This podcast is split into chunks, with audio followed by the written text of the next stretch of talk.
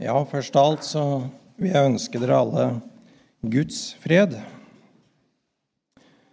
Guds fred, det er eh, den beste hilsen vi kunne få, om vi kunne få oppleve det.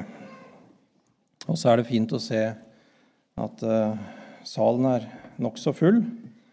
Og så tror jeg ganske sikkert også at det er noen som sitter hjemme og er med oss. Og vi skal få ha det fellesskapet, selv om ikke vi er samla her, at vi er sammen om Jesu navn. Og da han lova å være med og midt iblant. Og så sang vi her 'Du blir deg glad før du hos Jesus hviler'. Hos ham alene finner sjelen fred. Og så hadde jeg lyst til å, å begynne med et spørsmål som står i Pontopinasens forklaring. Den er skrevet for eh, ja, bortimot 300 år siden. Kjære barn, vil du gjerne være lykkelig på jorden og salig i himmelen? er spørsmålet. Eh, og det er mange barn her, men eh, det er et spørsmål til oss alle. Vil du gjerne være lykkelig på jorden og salig i himmelen? Ja, kunne jeg bare bli det, skriver han. Og så tok jeg fram eh, en ordforklaring på hva salig betyr. Jeg hadde jo en, eh, en formening om det, men jeg syns det var litt til hjelp å se hva ordet er forklart med. Og ordet salig det er forklart med en, at den er fylt av en dyp, intens lykke. Fullkommen, sto det velsignet av Gud, som har del i Guds rike. Vil du gjerne være lykkelig på jorden og salig i himmelen? Vil du gjerne være fylt av en dyp, intens lykke, fullkommen, velsignet av Gud, ha del i Guds rike? Ja, kunne jeg bare bli det. Ja, og du kan bli det. Du kan bli det her i tida, om enn ikke fullkomment, fordi vi fortsatt har vårt kjød. Vi er i verden, og vi har vårt kjød. Men i evigheten så vil det være fullkomment. Og så skal vi stoppe for noe i Bibelen som kan fortelle noe om hvordan vi kan bli det. Skal vi alle først be sammen. Ja, kjære Herre Jesus, så vil jeg takke deg for at det er sant at du døde for å frelse fortapte syndere. Du døde på korset for å frelse oss som er samla her i dag, som hører ditt ord, som hører deg til. Og du døde for å frelse den som lever langt borte, ute i det ville syndelivet. Ja, du døde for den som kanskje er her, men som ikke trenger deg som frelser. Ja, du kjenner oss. Du kjenner mitt hjerte, og du kjenner alles hjerte, vi som er her. Jeg ber om at du forbarmer deg over oss, at du besøker oss, at du gir oss din Hellige Ånd, som kan lyse for oss, både hva vi er, hva vi trenger, og hva du er. Ja, gi oss en nådestund, Jesus, etter dine løfter.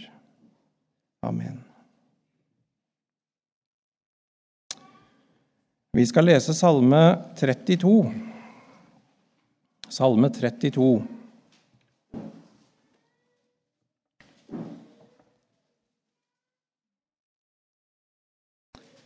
og jeg tar med det som er satt som overskrift over salmen i eh, Bibelen min. Det er jo egentlig bare et utdrag av det som står i salmen, men det står veldig enkelt 'Den som er tilgitt av Gud, er salig', står det. Og så begynner vi på vers 1 i Salme 32. Av David, en læresalme. Salig er den som har fått sin overtredelse forlatt og sin synd skjult. Salig er det menneske som Herren ikke tilregner misgjerning, og som er uten svik i sin ånd. Da jeg tidde, ble mine ben borttært idet jeg stønnet hele dagen. For dag og natt lå din hånd tungt på meg. Min livssaft svant som i sommerens tørke. Sela. Jeg bekjente min synd for deg og skjulte ikke min skyld. Jeg sa, Jeg vil bekjenne mine misgjerninger for Herren, og du tok bort min syndeskyld, Sela. Derfor, la hver from be til deg den tid du er å finne. Unnskyld, nå leste jeg for langt. Jeg skulle ha vers 1-5, men vi kan godt ta med det verset. Derfor, la hver from be til deg den tid du er å finne. Visselig, når store vannflommer kommer, til ham skal de ikke nå. Men det var vers 1-5 som, som var teksten. Og vi skal først stoppe litt eh, for innholdet, litt sånn vers for vers. Og så får vi be om at Gud leder og gir at det er hans budskap som eh, når ut. Overskriften på denne salmen den sier veldig enkelt den som er tilgitt av Gud, er salig. Den sier ikke noe om å ha det ene eller det andre, eller være på et bestemt sted eller i en gitt stand. Og vi kan tenke på kristne til alle tider opp igjennom, og på forskjellige steder i verden. Det er jo så vidt forskjellige livsvilkår. Det er fra kong David i sin prakt til den fattigste tigger til en fange. Ja, det kan ikke sammenlignes, men det står at den som er tilgitt av Gud, er salig. Og så stoppa vi jo for hva salig innebar. Fylt av en dyp, intens lykke. Det er jo ganske forunderlig med mennesketanken at det står ingenting om alt det andre. Men det står om at den som er tilgitt av Gud, er salig. Og jeg tror vi kan si det, Grunnen til at ikke vi ikke klarer å se det med våre øyne, det er at ikke vi ikke ser hva vårt egentlige problem er. Vi ser på alt det andre, og så tenker vi bare vi hadde fått orden på det, eller bare vi hadde fått det sånn, ja, da skulle jeg vært lykkelig. Nei, den som er tilgitt av Gud, er salig. Og så står det videre at det er en læresalme. Det er altså noe vi skal lære av. Det er den første av læresalmene. Og Jeg vet ikke hvor mye jeg skal tillegge det vekt, men det er jo så grunnleggende, det som står her. Den som er tilgitt av Gud, er salig. Og Det er altså noe vi kan lære av til alle tider, til alle mennesker, uansett omstendigheter. Den som har fått sin overtredelse forlatt og sin synd skjult. Ut fra den ene setningen så forstår vi det at han snakker ikke om syndfrie mennesker. For hvis du skal få noe forlatt og noe skjult, så er det jo noe du har hatt. Det er altså et menneske som har fått forlatelse for sin egen synd. Mens i det naturlige mennesket, i meg og i mitt kjød, og jeg tror du kjenner deg igjen, så ligger en helt Ja, jeg skal ikke si ukuelig, men en sterk trang til å kunne vise til noe av sitt eget. Det å få ære og anseelse. Derfor så er det så hardt å skulle leve av bare synsforlatelsen. Og ikke av sin forbedring, ikke av sine framskritt, men av synsforlatelsen. Det er nedverdigende, det. Da må jeg bli liten. Og det er en stor fare for et menneske hvis en ikke griper verdien og sannheten i synsforlatelsen, at en slår inn på en egenrettferdighetens vei. Og det kan vi få til ganske godt, både overfor andre mennesker og overfor oss sjøl. Og vi kan til og med komme dit at vi tror at vi skal få det til overfor Gud. Vi kan få til å gi et inntrykk av at vi lever ganske bra. Vi lever ganske syndfritt hvis vi bare tilpasser lovens krav litt, og hvis vi vokter vårt ytre. Og så prøver vi på den måten å skjule vår synd overfor oss sjøl, overfor vår neste, ja, også overfor Gud. Men det er ikke sånn Bibelen sier at synden skal skjules. Det er bare én måte å bli salig på. Det er å få sin synd skjult og sin overtredelse forlatt. Og Da er spørsmålet hvor får du din synd skjult? Det er bare ett sted at synden kan skjules i sannhet, og det er i nåden i Jesu blod. Der er den virkelig skjult. Salig er det mennesket som Herren ikke tilregner misgjerning. Tilregne Jeg måtte også se litt på hva det egentlig forklares som. Og Jeg fant eh, ut at det kan også sies med de orda 'regne for å ha'. Hvis vi regner noen for å ha noe, da ser vi på dem som om de har det. Og hvis da Gud ikke tilregner deg din misgjerning, så regner han deg for å ikke ha misgjerning. Han regner deg som en som ikke har misgjerning, og det kan han kun gjøre fordi han ser deg gjennom Jesus. Da er det som om du ikke har det. Du har ikke mindre av det eller lite nok eller Nei, du har det ikke. Det finnes ikke. Det er ikke der. Og det er den altseende Gud som regner sånn. Han som ser alt. Han som ser hjertets innerste tanker. Når han ser deg som er et nådebarn gjennom Jesus, så ser han deg som ikke har synd, ikke har overtredelse, ikke har misgjerning. Men så står det videre i det samme verset, i vers 2, og som er uten svik i sin ånd. Det står på en måte som en forutsetning at den som Salig er det menneske som Herren ikke tilregner misgjerning, og som er uten svik i sin ånd.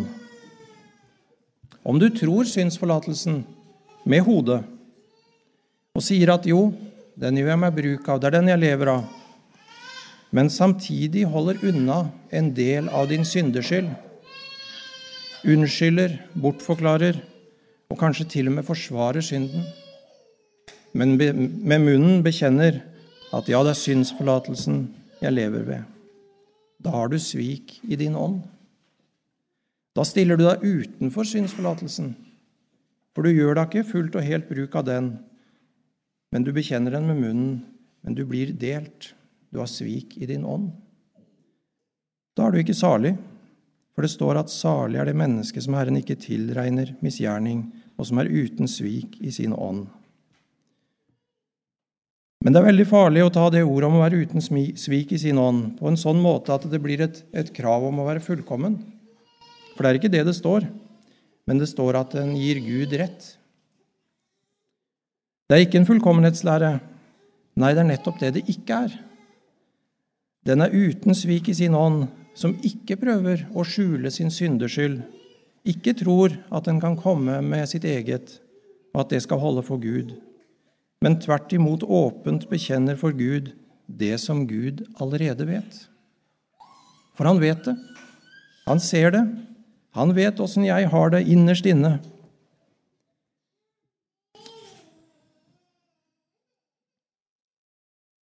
Ja, Gud lov, så skal jeg få lov å si det. At det er sant, det du ser.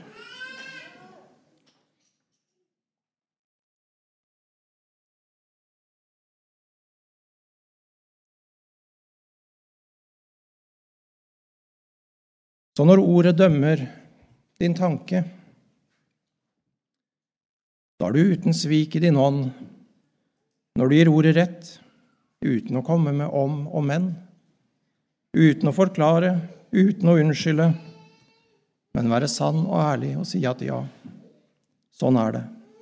Og når du kjenner at du strever med det, du vil ikke det, det blir en plage for deg at du kjenner på at du har så lett for å ville unnskylde, ja, så kan du si sant om det òg.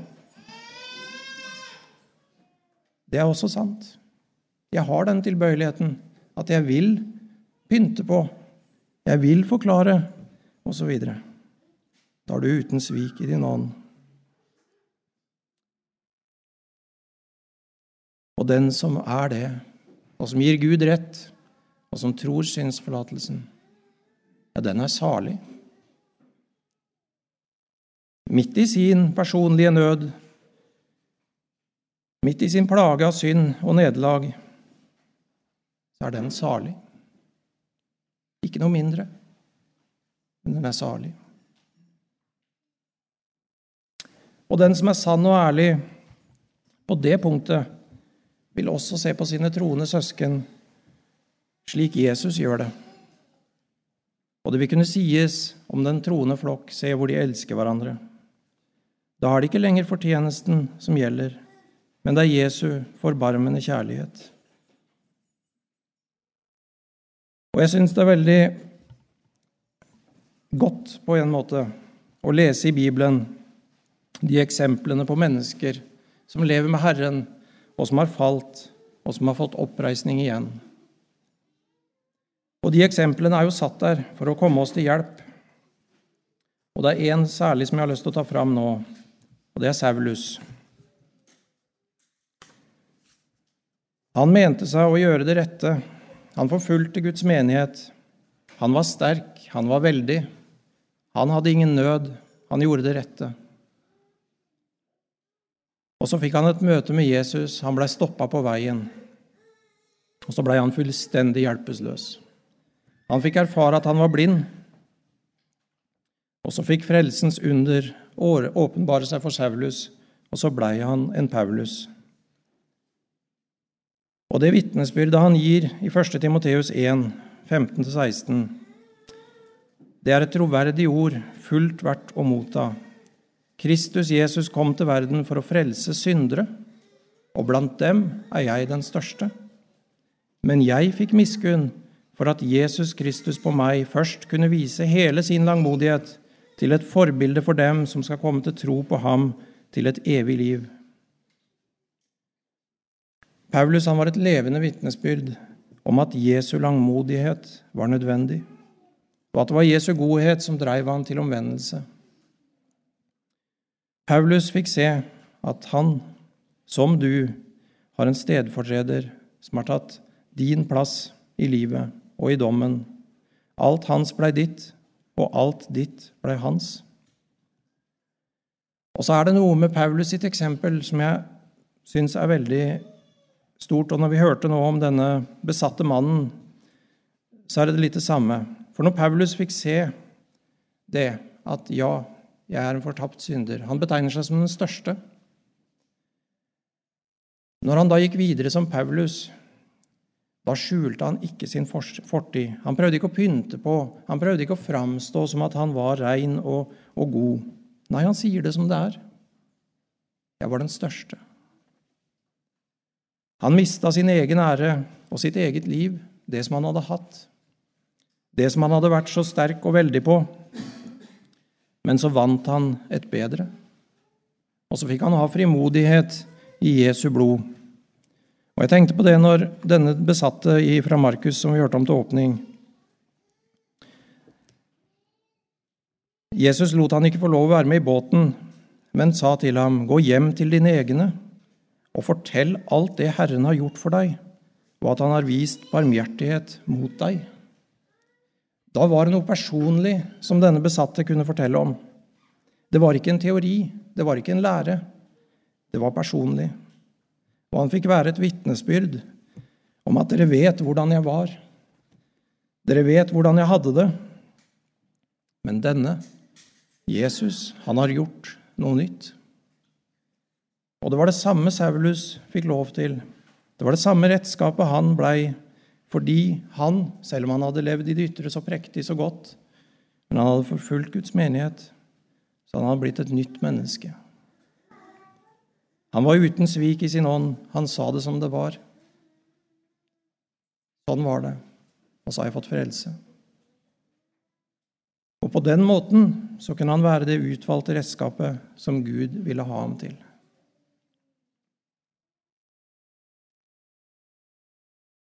Sånn er det også for deg og meg. Når sannheten om mitt, når sannheten om Jesus får gå opp for vårt hjerte, så skulle vi glede og fryde oss i det vi har. Og så skulle vi få lov å gå til Han med alt som tynger, framfor å skjule eller holde tilbake.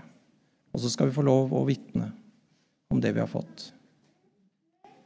Men så er det allikevel noe i kjødet vårt som igjen og igjen får oss til å tie om vår synd. Kanskje det er, som jeg nevnte, for å vise glansbildet av oss sjøl overfor vår neste, overfor oss sjøl, og ikke minst prøve overfor Gud. Og vi hører om David. Han prøvde også å tie. Da jeg tidde, sier han, ble mine ben bortært idet jeg stønnet hele dagen. For dag og natt lå din hånd tungt på meg, min livssaft svant som i sommerens tørke.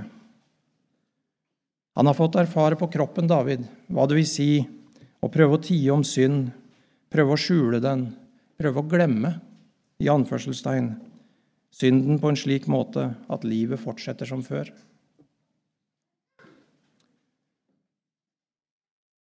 Gud lov, så fikk ikke David fred. Han klarte ikke å glemme. Han kom ikke videre som om ingenting hadde skjedd. Det er det verste som kan skje et menneske. Det er så om å gjøre for deg og meg òg at samvittigheten virker, og at den anklager hvis vi har syndet, at Gud får uroe oss gjennom sitt ord, sin ånd, slik at vi ikke ender i dødens fred. Og det er et stort bønneemne at det tales sant om ordet om synd og syndens lønn iblant oss, slik at vi ikke ender i en vanekristendom og med fred i hjertet går mot fortapelsen. For det er den som har fått sin synd tilgitt, sin synd skjult, sin overtredelse forlatt, det er den som er salig.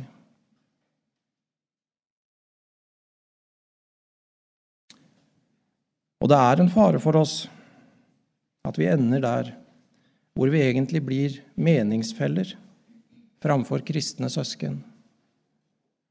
Og med det så menes det at vi har det så rett i de spørsmåla som er oppe i tida. Vi ordner våre liv rett, vi er engasjert i kristent arbeid osv., osv.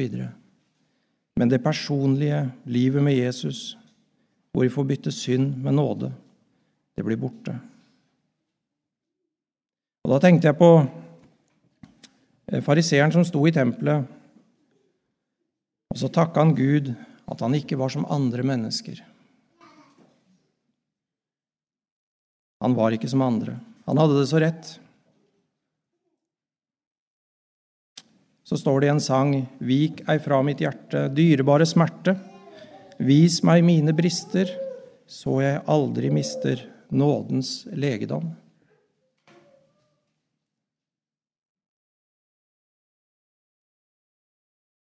Det er livet. Og det er her vi må bli bevart for at vi skal nå himmelen. Vi må tilbake igjen og tilbake igjen dit. Vi skal gå tilbake til teksten og se hva, vi, hva David sier i vers 5. Jeg bekjente min synd for deg og skjulte ikke min skyld. Jeg sa, jeg vil bekjenne mine misgjerninger for Herren. Det var ikke noen oppdikta synder David bekjente. Det var ikke noe han visste at Jo, jeg bør jo si Nei, det var personlig erfart synd. Det var det David gikk til Gud med. Og den hadde knuga han. Den hadde plaga han, som vi hørte i forrige vers. Sånn at min livssaft svant, sier David. Og på den samme måten var det med tolleren i tempelet motsetningen til denne fariseeren.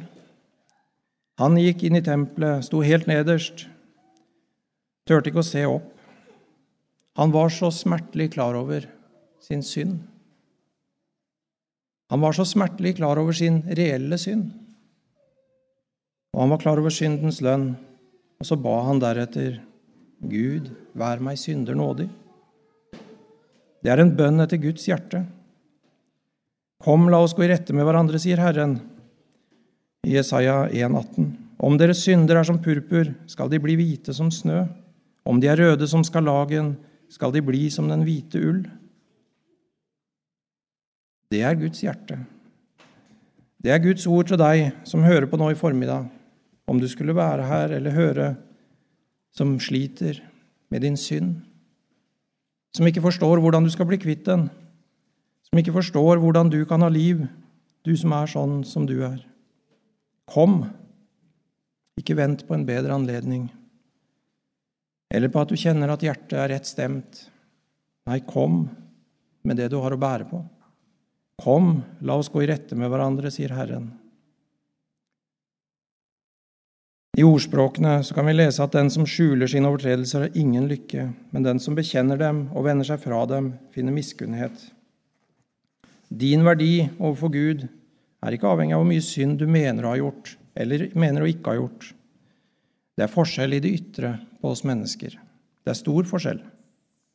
Det er alt fra den som alle taler vel om, som ser from ut, som lever et så godt liv, som kanskje Ingen kan tenke Med mindre eller en vet jo, en kjenner menneskehjertet. Men en tenker at det der er et godt menneske. Men inni tankeverdenen osv. Ja, så er det mer enn nok. Men det kan se så godt ut. Er den som er en eh, vanekriminell, som har vært det fra ungdommen av, som har vært borti det meste, som er virkelig det vi har så lett for å si ja, for en synder. Alt imellom der. Og vi er her alle sammen. Vi er her alle sammen.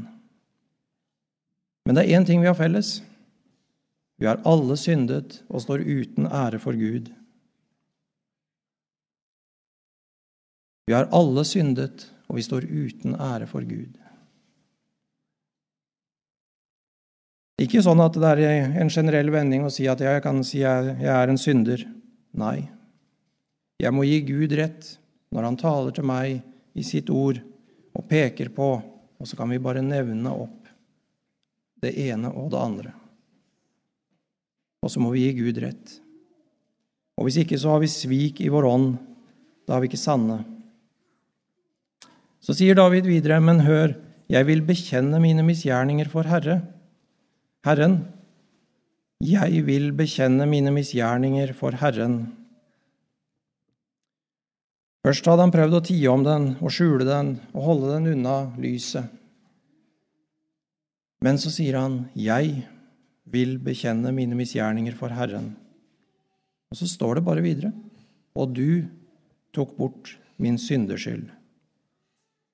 Herren, han kjenner hjertene, og han vet hvordan det er fatt der inne. Og når en synder sier det, 'Jeg vil bekjenne mine misgjerninger', da har han for det første fått se hva synden er. Han har tatt de som sine. Ja, det er min, det er jeg. Han har fått se hva syndens lønn er. Han har fått innse at jeg er maktesløs. Jeg klarer ikke å bli kvitt den. Jeg klarer ikke å gjøre opp for den. Jeg er ikke i stand til å betale syndeskylden. Og sist, men ikke minst, så har den synderen som vil bekjenne, han har fått se redningsmannen. Han har fått se at det er én som har betalt. Jeg kan få del i den betalinga. For uten at de tinga har skjedd, så vil ikke en synder bekjenne. Hvis en har fått se sin synd som det den er, fått se syndens følge, men ikke får se Jesus, ja, da ender de i fortvilelsen som Judas. Hvis en ikke har fått se synden i sitt fulle alvor, da har man ikke mista trua på at den skal ordne opp. Og sånn kan vi beskrive. Men når det skjer det, jeg vil bekjenne mine misgjerninger for Herren, da har det skjedd noe i hjertet. Og det kjenner Gud. Han kjenner det hjertet. Og han ser at her er det en som er i nød, her er det en jeg må ta meg av. Og så kommer Jesus til deg. Du står der i den dype gjørme, og så strekker han handa ut for å sette deg på en klippe. Og når du vet hvor du er, du vet hva du har i vente, ja, da griper du den handa. Om det er med en svak kraft, om det er så vidt det bærer at du får strekt ut handa, eller om det er med sterk, fast, et sterkt, fast grep om Jesu han, så vil du gjøre det, eller du vil la han gripe handa di. Og det den griper om, eller det den klynger seg til, det holder. For det er han som skal redde deg. Det er han som skal fri deg ut, det er han som skal sette deg på en klippe. Og så er det noe helt konkret som jeg egentlig ikke har blitt ferdig med fra påskeberetninga. Det var eh, Peter som fulgte med Jesus inn i yppersteprestens gårdsplass. Og så fikk han høre Målet ditt røper deg. Eh, og det har jeg gått og tenkt på eh, siden påske. Og jeg har, ikke, jeg har ikke blitt ferdig med det. Og jeg har trang til å ta det fram her nå og dele det med dere. Målet ditt, altså måten du snakker på, språket ditt, vitner om hvor du er fra, hvor du hører til. Også, som jeg sier, jeg blei ikke ferdig med det. Det blei meg til ransakelse, det blei meg til, til nød. Hva forteller målet ditt om deg?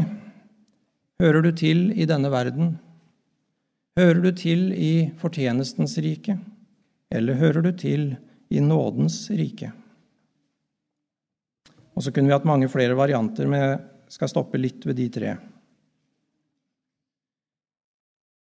Forteller målet ditt om deg at du lever i denne verden og tar til deg av de gleder verden har å by på?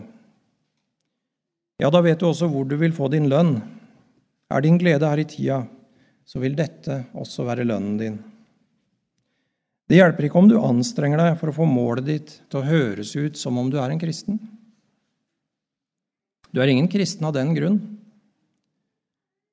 Og du vet kanskje med deg sjøl at ditt synderegister er langt, og du lever i denne verden og av denne verden men du har hatt vondt for å erkjenne det for din egen del.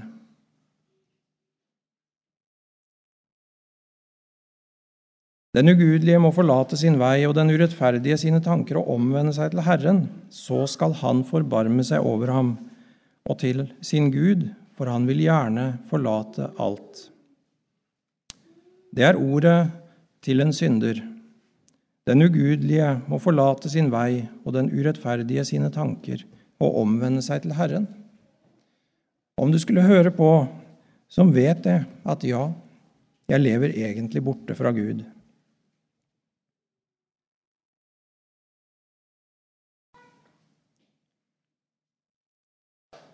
Jeg tror det er enn, flere enn meg som har erfart det i sitt liv, at det ytre, vanen, levemåten, er kanskje som en kristens. Til en viss grad, selvfølgelig. Men den er borte.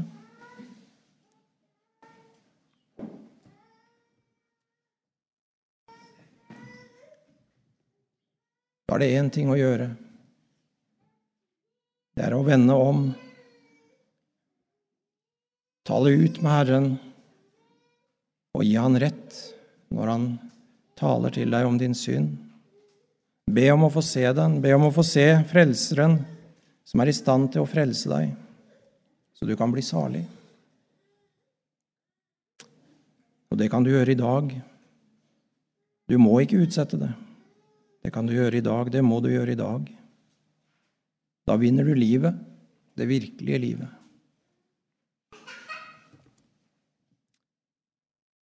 Eller forteller kanskje målet ditt om en som er sterk og veldig, som har så mye rett, rett syn på aktuelle spørsmål, rett syn på hvordan kristenlivet skal leves, rett syn på hvordan Guds menighet skal være innretta, osv. Men din synd, den plager deg lite eller ingenting. Om det er dette målet ditt forteller deg, så vil jeg advare deg på det sterkeste. Ikke fordi du har rett syn på de forskjellige tinga, men fordi du blir sterk og veldig og stor på grunn av at du har rett. Det er gift for sjelen. Og så spør Jesus deg i dag elsker du Gud over alle ting og din neste som deg selv. Du som har det så mye rett, du som lever et så godt liv. Elsker du Gud over alle ting og de neste som deg selv? ikke bli så fort ferdig med Guds ord. Det er deg personlig han vil frelse. Det er ikke alle de andre som har det så mye galt, men det er deg personlig.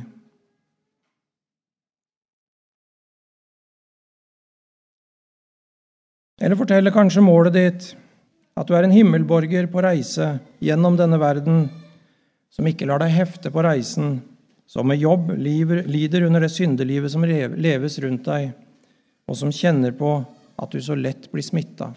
Og det samstemmer så godt med kjødet. Og så er det det ene, og så er det det andre en kan kjenne på. Men som likevel klynger deg til nåden i Jesu blod. Dette målet det vitner om en som hører Jesus til. Akkurat som Peter, han anstrengte seg ikke for å snakke på en sånn måte at han tilhørte Jesu venner. Nei, han var fra samme sted. Sånn er det også med den som har fått se det. Du har tatt bort min syndeskyld. Tone, det målet til den vil få en tone som er i samklang med Jesus. Fordi du hører ham til og har fått et nytt liv av ham så vil også målet bære preg av det. Du har ikke lenger synden og loven til Herre, men byr fram dine lemmer for rettferdigheten og tjener Gud.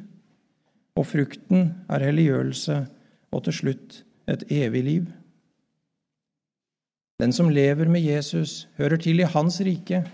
Den vil ha et mål som bærer preg av det, som vitner om det. For den hører til i det riket. Og så er det som jeg sa om den første, og det gjelder oss alle, så skal vi ikke begynne å fokusere på hva målet mitt vitner om, på den måten at det er der jeg legger ned innsatsen. Nei, jeg må be om at jeg hører til i det riket som er Jesu rike, som er Guds rike. Da vil målet vitne om det. Ikke fordi at jeg gjør målet mitt til å være sånn, men fordi at det er det som er hjertets språk.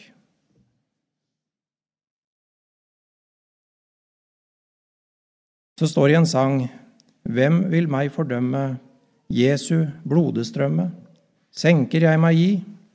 Gud for alle riker dømmer selv og sier, Denne, han er fri. Gud for alle riker dømmer selv og sier, Denne, han er fri. Vil du gjerne være lykkelig på jorden og salig i himmelen, vil du at Gud skulle dø, kunne dømme om deg at du er fri? Ja, det kan du bli. Hvis ikke du allerede er det. Hvis du er det, så håper jeg at du kjenner igjen det David sa han har tatt min syndeskyld. Og hvis du ikke allerede er det, så kan du bli det. Og du kan bli det i dag. Han står og venter på deg med utstrakte armer for å ta deg imot, du som er en synder i nød, i dag.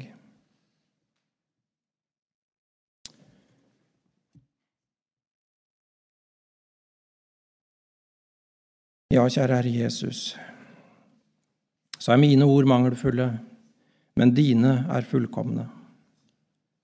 Og så ber jeg om at du åpenbarer sannheten for oss ved din hånd. At det er din sannhet som står igjen. Oss til velsignelse, deg til ære. I ditt navn.